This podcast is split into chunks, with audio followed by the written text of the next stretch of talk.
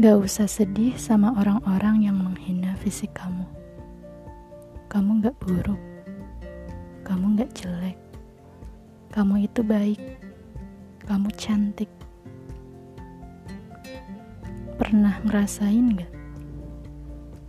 Ketika kamu melihat seseorang, mungkin dia kurus, hitam, gemuk, atau pendek, atau apa pun yang selalu jadi bahan ejekan orang-orang yang merasa dirinya sempurna.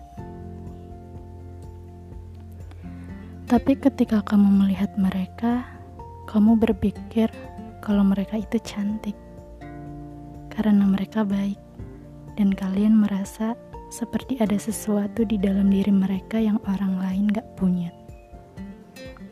Kamu senang lihatnya tanpa menilai fisik mereka yang mungkin kurang. Tapi ketika kamu melihat seseorang yang sifatnya tidak baik, secantik apa pun dia, kalian gak bisa melihat kecantikannya di hati kalian.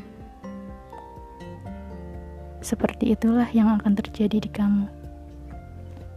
Kamu itu cantik seperti apa pun kamu. Jika kamu baik, kamu itu cantik.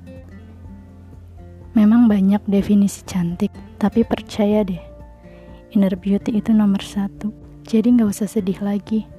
Gak usah insecure lagi. Percaya diri. Fokus lakukan hal baik. Karena itu yang bikin kamu cantik sesungguhnya.